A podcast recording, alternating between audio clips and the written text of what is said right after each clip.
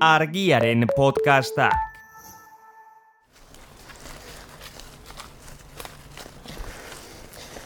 Bueno, ikuste gaz, pixka sinio batzetik, gaztainoik. Bai, hori da. Morkotxea emate zin, baina ez, ez. Paga, paga gazea, ez? Bai, pagatxa Pagatxa. dena. Hemen pagoa da gango nien. Zenbat kilo gaztain bildutuk, Ez dakit, eunero boltsa bat igual. nek baitek. Oin jarri, ez da?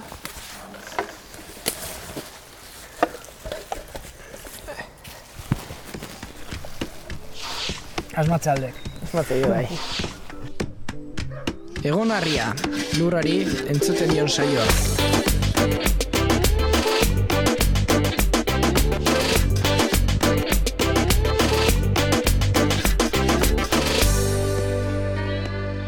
Apa, enoi, egon harrian gaude, ikuste zuen bezala formatu desberdinen, eta jende desberdinekin, kasu honetan lizartzan gaude, akaizta intzanen proiektua ezagutze etorri geha, eta bueno, hemendik aurrea bi saio desberdinetan bezala ingo deu, bat kanpotikan eta bestea helik plato barrutikan, eta bueno, ba, honei hasiera emateko, akaiz sarasola gonbidatu dugu kontan gaztainan inguru nintzeitea. Egun akaitz. Egunon. Bueno, akaitz, kontatu diguzua, nundi atorkizun zuri gaztainagiko daukezun bueno, interesa edo Ni ikasteko eta behin, ez dakit, askotan galdetu ditean galdera bada hau, eta alde batetik argi dauke eta bestetik ez. Esplikatzen naiz. E, nik usteet, e, betidaniken e, oso presente ondala nire familien gaztaina, batez ere atxona monakin da gogoan dut oso txikitatiken udazkeneko gauetan behaien etxea jund, ekonomikan itxe zituzten gaztaina jatea.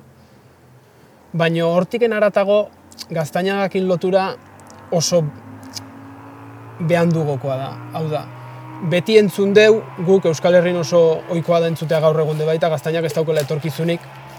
Eta ondorioz, e, inoiz ez deten planteatu gauz bat izan da. Beti berreskurapen lanetan pues, e, aldaera ezberdinak edo sagarrondoa garrantzia handia eman zaio, sagardoan kultura guzti berreskuratu da.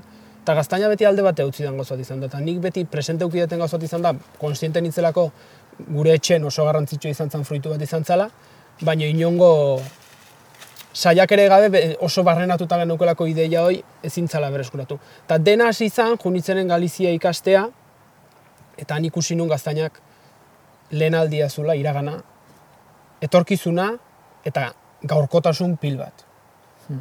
E, askotan mitifikatze du Galiziko gaztainan egoera, gero gertutik ezautzen dezunen ez da hain, hain politia dena. Baina nik uste Galizin sortu zitzaitela hola benetan e, etxen jaso, etxetik jaso nuna benetan balioan jartzeko saiakero egiteko pauso emateko indarra bintzat. Oin lizartzan gaude, hain zuzen zuen gaztainarin. Nik hemen ikasi nun gaztainaria zertzen, gaztain ondo daude multzo bat. Ba, bueno, hemen ez dakit, zer daukezun esateko zuen gaztainan ingurun edo...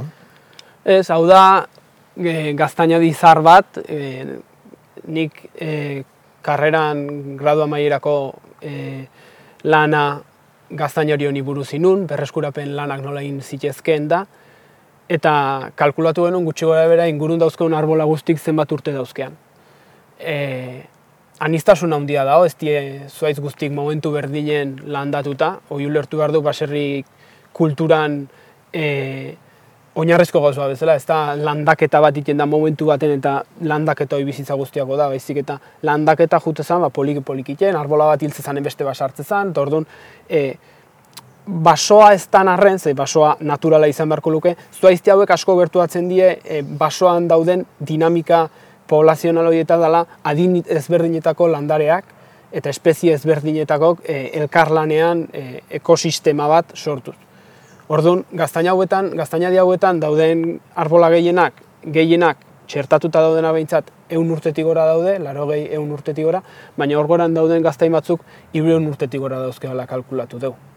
Orduan, hemen daun balioa, ekologikoa, genetikoa, kulturala, e, linguistikoa inkluso, e, oso handia da. Balio kultura esan dezu, batez ez zuen ikerketan, e bai, bueno, gaztaina kulturan duen indarra aipatu izan duzulako. Ba, kasu honetan, ez dakit, zen balio galdu gaztainak, edo gaztainariak, esango nuke. Barandiaran beka e, aurkeztu ginean, proposamen bat aurkeztu hartzan, da gure asmoa zan e, gaztaina aztertzea e, kulturalki. Guk uste duelako e, labore hau edo landaketa hauek berreskuratu behar balin baditeu, kultura oso garrantzitsua dela. Kultura gabe erre- berre- berreskuratzen balin badeu landaketa bat edo fruitu bat edo e, sektore bat, nola esateko, e, nik uste horrek ez daukela etorkizunik. E, arraigo bat euki behar du, lotura bat euki behar du gizartean etorkizuna guitzeko. Ondorioz, lanketa hoi saiatu gea iten, eta igea diken, e, kultura aldetik ematen. Hau da, gaztainak ze garrantzi eukizun, ze garrantzi dauke, eta ze garrantzi izan dezake. Helduetatik hasita oso presente eukizutena gaztainaren kultura guzti hoi e, umetatik, gero jende, oi, gure gurasoen inguruko jendea, eta gero gazteak. Eta saiatzegea lan hontan dena elkartzen e, ikusit pues, gaztainondoak eukidun evoluzioi eta ze garrantzi eukidun. Garrantzioi oso garrantzitsua garrantzioi, oso garrantzitsua zan gara baten gaztainondoa batez ere zalako elikagai basikoa. Eta jende gehiena oso gaur egun pobrea deitzen dugu, gara hartan ez ziren pobre, ziren jateko egunero zeukean. Orduan, e, ez zeukean igual tolosan bizi izan e, persona bate bezaren balio adkisitiboa handia, baino e, bai zeukela egunero jatekoa, eta egunero jatekoi lau bost hilabetetan gaztaina izatezan. Gaztaina, e, bueno, e, ez dakigun ontzaintzat, noiz aste gutxi erabiltzen, fruitua bea. Gaztaina normalen e, hasten da, e, normalen esaten da Euskal Herrin San Migueletatik San Martin eta San Miguel da iraian bukaeran eta San Martin da azaroan hasiera amar, amaika. Bueno, hor tartea luzea dela ikuste Tarte, du. bai, Azkenen gaztain baria da, ez Bai, askotan- pixkat zuhaitzeta sartuz, edo arbolata sartuz, ez dakit nola esango genuken desberdintzeian elkarren artean gaztainak. e, gaztainaren kultura berreskuratzeko e, lanetan askotan e, guk uste deuna da e, asko zentratu dela variedade berreskuratzen. Eta zergatik. E, sagarrondoan kultura berreskuratu denen Gip- askotan esate du Gipuzkoan daude hainbeste sagar varietate, sagardoa diteko batzu, beste batzu jat- jateko, beste batzu gordetzeko. Gaztainan kultura indartsu zehonen de olako zerbait pasatzen zen. Zeuden hasieran etortze ziren gaztain batzuk, hemengo arbola adibidez, hau goiz gaztain bada, ekartzen du oi, San Migueletan, e, irai bukaeran, eta hau ez ziren lehen bizi jate zienak. E, gazta, e, sa- klasea oso aprez- e, aprezio handiko klasea zen, zalako gaztain bat etortze zana azkar, iraian bukaeran, eta jate zala bilduta belaxe.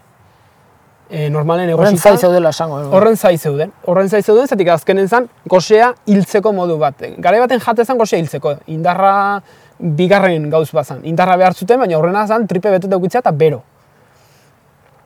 Eta gero, pues, San Migueletatik hasita San Martinekaino, zeon, pues, astero-astero gutxi gora bera, klase diferente bat gaztaina ematezuna.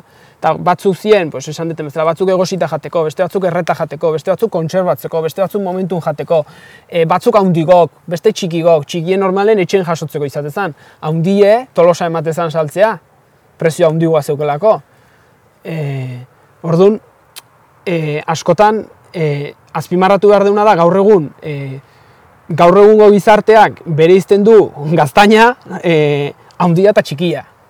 Inungo, e, ge, inungo informazio gehiago eskaini gabe gaztaino. Horri, eta gaztaino ondoak sagarrak bezala daude txikik, handik, gorrik, beltzak, zurigok, horigok, nahiz eta gaur egun ez dituen ulertzen, e, oso matiz e, diferente dauzkean gaztaina daude, eta zaporean, orduan, pixkat, oi, e, kultura guzti hortan oso garrantzitsua zen e, hilebete guzti horietan gaztainan e, bilketa hori ulertzeko. No, lehen etorria naiz hemen, gaztaina biltzea, zukin hitzeitea, gaztaina ingurun da, eta askotan aipatu izan dizkio biak gaztaina hau, beste, ez dakit hor tarten bilduite hau, mostra batzuk, eskat Bai. esplikatuko zen izkian gaztain mota desberdinak edo. Bai, e, azteko eta behin, esan nahiko nukena da, gaur egun gizarten e, gaztain guzti berdina diela, leheno esaten nintzen jarraituz. E, ikuste dugu gaztaina izan daiteke goxoa o txarra, beste gabe. Baina gaztainak mundua dauke hortiken aratago, eta helduekin hitzeiten hasten balin baina kontuatzea gaztaina txertatu zala. Sagarra txertatzen dela oso ohikoa dan espresio bat izan daiteken eta gaur egun jendeak sagarra txertatzen diunan, gaztaina da, gaur egun ikuste dugu mendia jun, mendin bakarrik ateatzen den arbola bat, eta jasoko dugu fruitua eta jazta. Ez, gaztainak lanketa bat zeuken, eta lanketa horren emaitza die pues, Euskal Herri mailan dauden, o egon beharko lueken, e, guztik. Gaztaina diontan, e, aldaera ezberdina daude, zoritxarrez e, kulturaren galera honek gaztaino diontako jabea ide eragin die, orduan e, oso aldaera o klase gutxi izenak mantendu dien, naiz eta guaindiken bere izten dan e, arbola honek klase hau ematen du, beste honek klase hau ematen du. Klasea esaten duten izena ez da mantendu, baina bai mantendu dela, honek handi emateu, honek txiki emateu, honek oso emateu, honek txarra emateu, hau hobeto ardi jaten bali badu, hau hobeto gu jaten bali badu. Orduan, alde batetik, eukiko genituke, txertakak dienak, hau die, e, justu arbola hortxe dao, e, emateu gaztain txiki bat, hauek, hauek aspaldi eroitako die, orduan, hauek emateu e, urri hasieran, da aztain txiki bat, nahiko goxoa dana, baina zuritzeko zailtasuna dauzkena. Eta dauke adibidez, arantza, ikusten duen bezala, oso oso luzea. Askotan, fijatu behar duna da, nolako arantzak dauzken, ze askotan, e, gaztaina beha ikusita, tamaina eta kolorea zaparte oso informazio gutxi emateko, baina e, honi morkotxea deitzen zaio, bueno, zona hontan, kirikino beste leku batzutan, e, morkotxeak informazio asko emateko arantzan luzera batiken. Gaukiko genituke hau da, e, hau ez da gaztain klase bat, hau da malformazio bat gaztainak izaten duna, honi deitzaio atxo gaztaina, e, da gaztainak e, zuk ondo jagingo duzun bezala, e, lorea, lorea arra izaten da amento bat, polen askokin. Eta gaztainak, ez dakigu oso ondo zeatiken, ematen du e, amento hortan, amento arro hortan, ematen ditu lore emek. Eta ondorioz, e, lortzen dugu olako matx mordo bat izango daliz bezala. E, morko txiki asko e, ardatz baten. Honi ditzaio e, atxo gaztaina eta ematen dituzte ematen dituzte hola gaztain gehienak izaten die txileka deitzen dienak, oskolak, e, utxak dienak, zimelak, eta e, osok o, beteta daudenak behintzat oso txikik. Eta geho beste gaztain bat, hola, denak ez ditute karri, baino, e, beste bat oso apreziatu edana da oso, hau da, e, gaztain arbola hau da, e, masa hontan aurkitu den gaztainik zarrena. Irureun da berroita marrote hola dauzkela kalkulatzen da, eta txertatuta dago. Bi aurreko horiek ez daude txertatuta, hau bai, hau txertatuta dago, eta horrek esan nahi du, garai baten balio bat zeukela. Zerbaiten gatiken ationa arek, txertatuzun, o amona arek, txertatuzun arbola hoi klase honekin. E, zoritxarrez izen ez dakigu, baino bai dakigula gaztain oso tamaina honeko ematen dula, nahiz eta zaporez ez da oso ona. Eta nahi kontatu ditean ez, gaztain hauek izatezien tolosa saltzeko egokinak. Oso kalibre handia daukean fruitua delako. Bueno, gero ikuste ere bai, gaur egun gaztainak balioa galdula fruitu bezala, baina bueno, horren ondoriotako bat bai, gaitz, gaitzak, edo esan nuke, dauzken gaixotasunak izan leikeala horrek gaztainari asko galdu ditu, urte askotan zehar, eta berriz ez landatzea ere bai, ekarri hu. Iskat, bai. hoi aipatza duzu. E, gaztainan galtzea faktorea ezberdinen arrazoia da. E, askotan bai aipatzen dela gaitzan asunto, alde batetiken e, emeretzi garren mende bukaeran sartu zen e, oin beltza, edo erderaz tinta deitzen zaion gaitza, da gaitz bat e, gaztainondoa ipurditi sartzen zaio, eta gaztainondo guztia lehortzen du oso urte gutxitan. E, Geho bestadetik sartu zen, e, bigarrengo gerra mundu inguru hortan, e, txankroa deitzen zaiona dela azaleko e, gaitz bat. E, txankro e, dator e, minbizitiken. Eta horre de, gaztaina hiliten ez du hiltzen, gaztaina ondoa, baino asko ahultzen du. Torron, dena juntatuta, e, arbolak hiltzeko kapazita dauka. Eta gero gainean, 2000 eta amairu, amala, amabost ingurotan, sartu zen e, listor txiki bat, e, ostotan iten dizkiena, hola, askotan ikusten diteu kukusagarra bezala e, agaia erderaz. Orduan, faktore horiek asko eragiten dute, baina nik uste faktore garrantzitsuna gaztaina eta gaztaino ondoa gure kulturan garrantzia galtzeana da e, gizartearen aldaketa bat.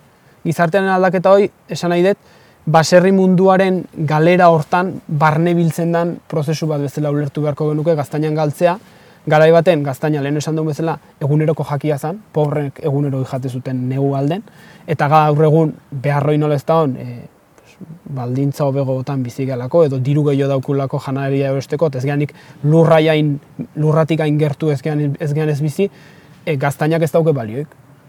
Gaztainak goxoa da, egun baten, bitan, irutan, aste beten, udazkenen zehar bosto sei aldiz, jateko.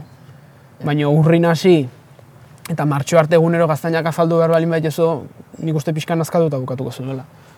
Orduan, galera hori nik ule- ulertuko nuke faktore askon ondorio bezala. Eta kulturaren galera hor dago. Gizartea aldatzen da, kultura bat galtzen juten da, ez daukelako garrantzik.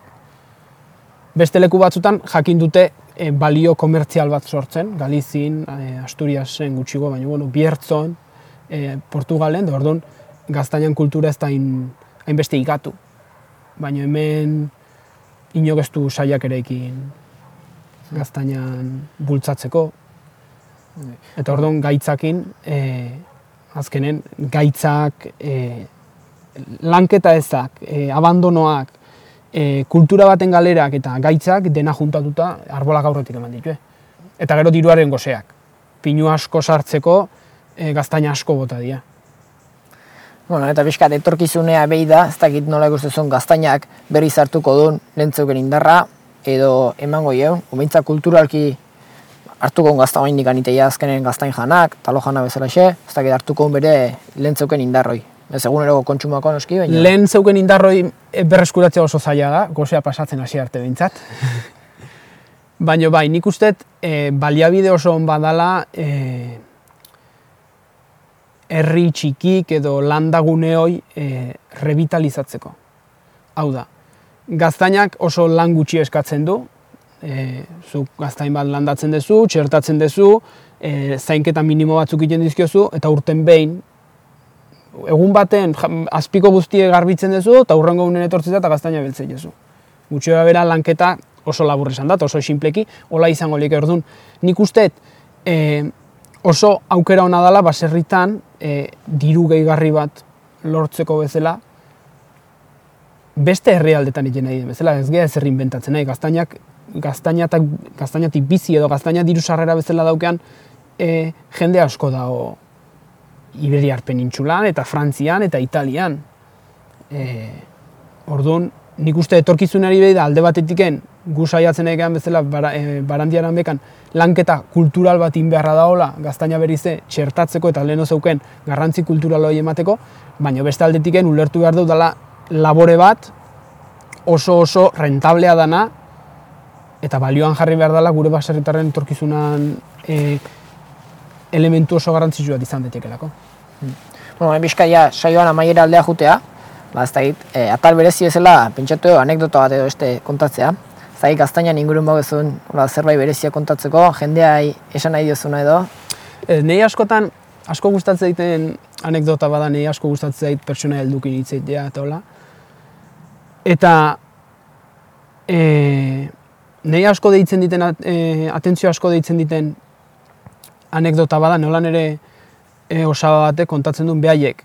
Hartzaiak izan da, arkume guztik tolosa azoka ematen zituzten bizikletan, maniletan, manile bakoitzen arkume bat jarrita, imaginatu, hemendiken tolosa daude 6, piko kilometro, 6, lau ustet, amarotzeaino, e, ze malabarismokin berra dauden bizikletan juteko, ilunpetan gainea, ziurrenik, lanea juna horretik azoka jeste zituztelako, manile bakoitzen arkume bat hartuta, eta gero bueltatze zianen behaiek bazkaltzeko babarrunak eta afaltzeko garbantzuk, ui, garbantzuk, e, gaztaina zeuzkean.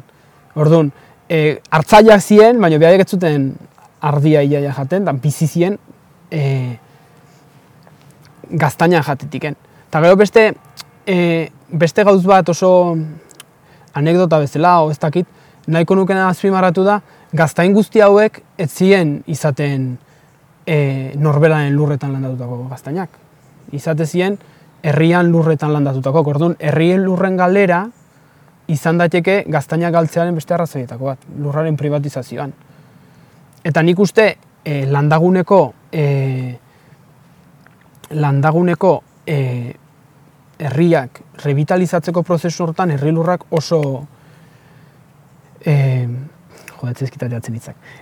Oso faktore garrantzitsu badiela edo oso elementu garrantzitsu badiela eta gaztaina bertan ulertu behar dola. Herri lurrak normalen izate zien gaztaina ondoak landatzeko. Leku askotan monokultiboa zan iaia gaztaina ondoena, pobren jana zalako, eta gero saltzeko asko baliozulako. Orduan, e, hemendik deialditxo bat, er, e, herrilurrak dauzkean herri gutxio hiri, batez ere Gipuzkoan, Nafarroan gehiago daude, zorionez, e, gaztainondoaren revitalizazio hortan oso e, garrantzitsuak dielako herrilurrak, eta hola, herrilur abandonatu guzti horiek berriz martxan jartzea dauden e, labore bat dalako gaztainondoa. Eskerrik asko akaitz, informaziotik, eta bueno, jake bain zuen gaztainarin gauden, ez dakit hemengo txokoi berezina, e, arboli guztokona edo, irakutsiko zen ba, eskertuko nuke. Netzako e, txoko berezina da, angoran dagoen lehenu erakutsi izkizuten gaztaina hundi hoien e, zuaitza, lehenu esan duen bezala da masa ontako zuaitzik zarrena, txerto lekue oso oso erakus, erakusgarri da, oso ikusgarri da, eta gaina nik uste gaztaina hundi eman arren oso goxoa dela gaztaino jateko, eta aprezio berezia dioten arbola da. Ba, Tolosan ferin jango zuen milaka bertxona, zeruna horremeste urte ez, eta homena berta ikustea jutea edo. Bai.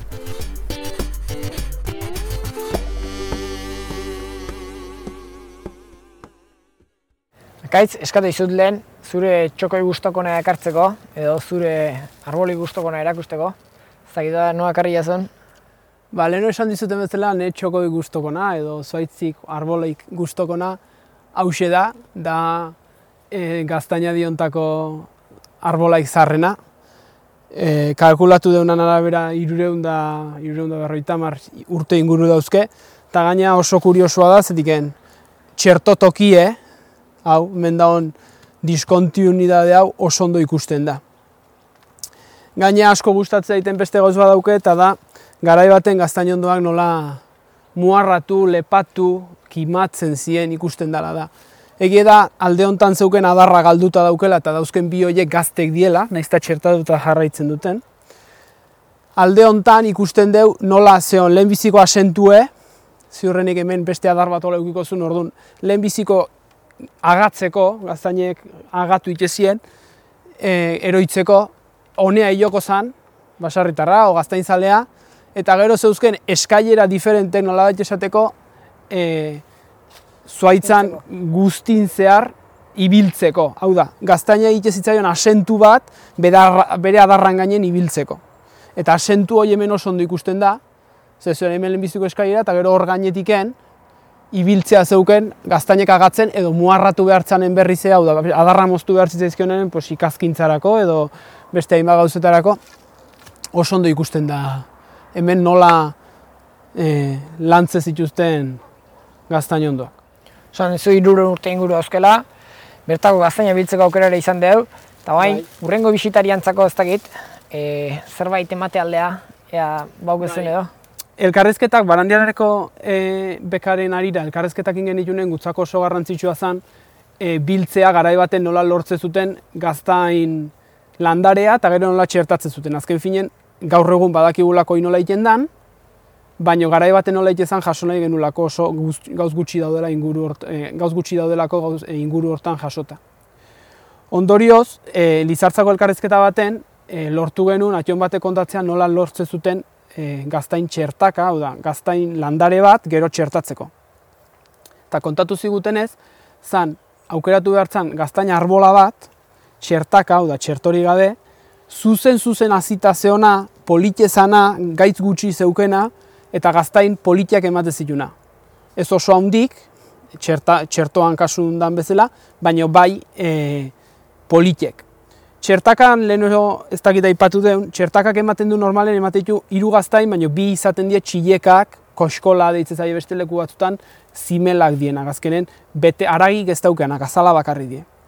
Orduan, guain aukeratu e, hor gemintzan bitartean topatu deu, e, morkotx baten barrunen gaztain hau. Gaztain hau oso kuriosoa da, ez daude hiru gaztainak, ez dakit oso ondo ikusten da, baina daude hiru gaztainak, bi txileka iskinen eta erdin gaztain bat handia, nahiko potoloa, eta oso esferikoa. Eta kuriosidadez daukeia ziurrenik hau aspaldi eroitako gaztain badanez, dauke ernamuin bat. Ernamuina da e, gaztain ondoak botatzen du lehenbiziko sustraia edo zaina, eta punta honetatiken arbola oso bat sortuko da. Orduan, ondorengo e, elkarrezketatua jau paritu nahiko nioke, pues, gaztain zuaitz bat edo gaztain arbola bat etxetik gertu duki dezan.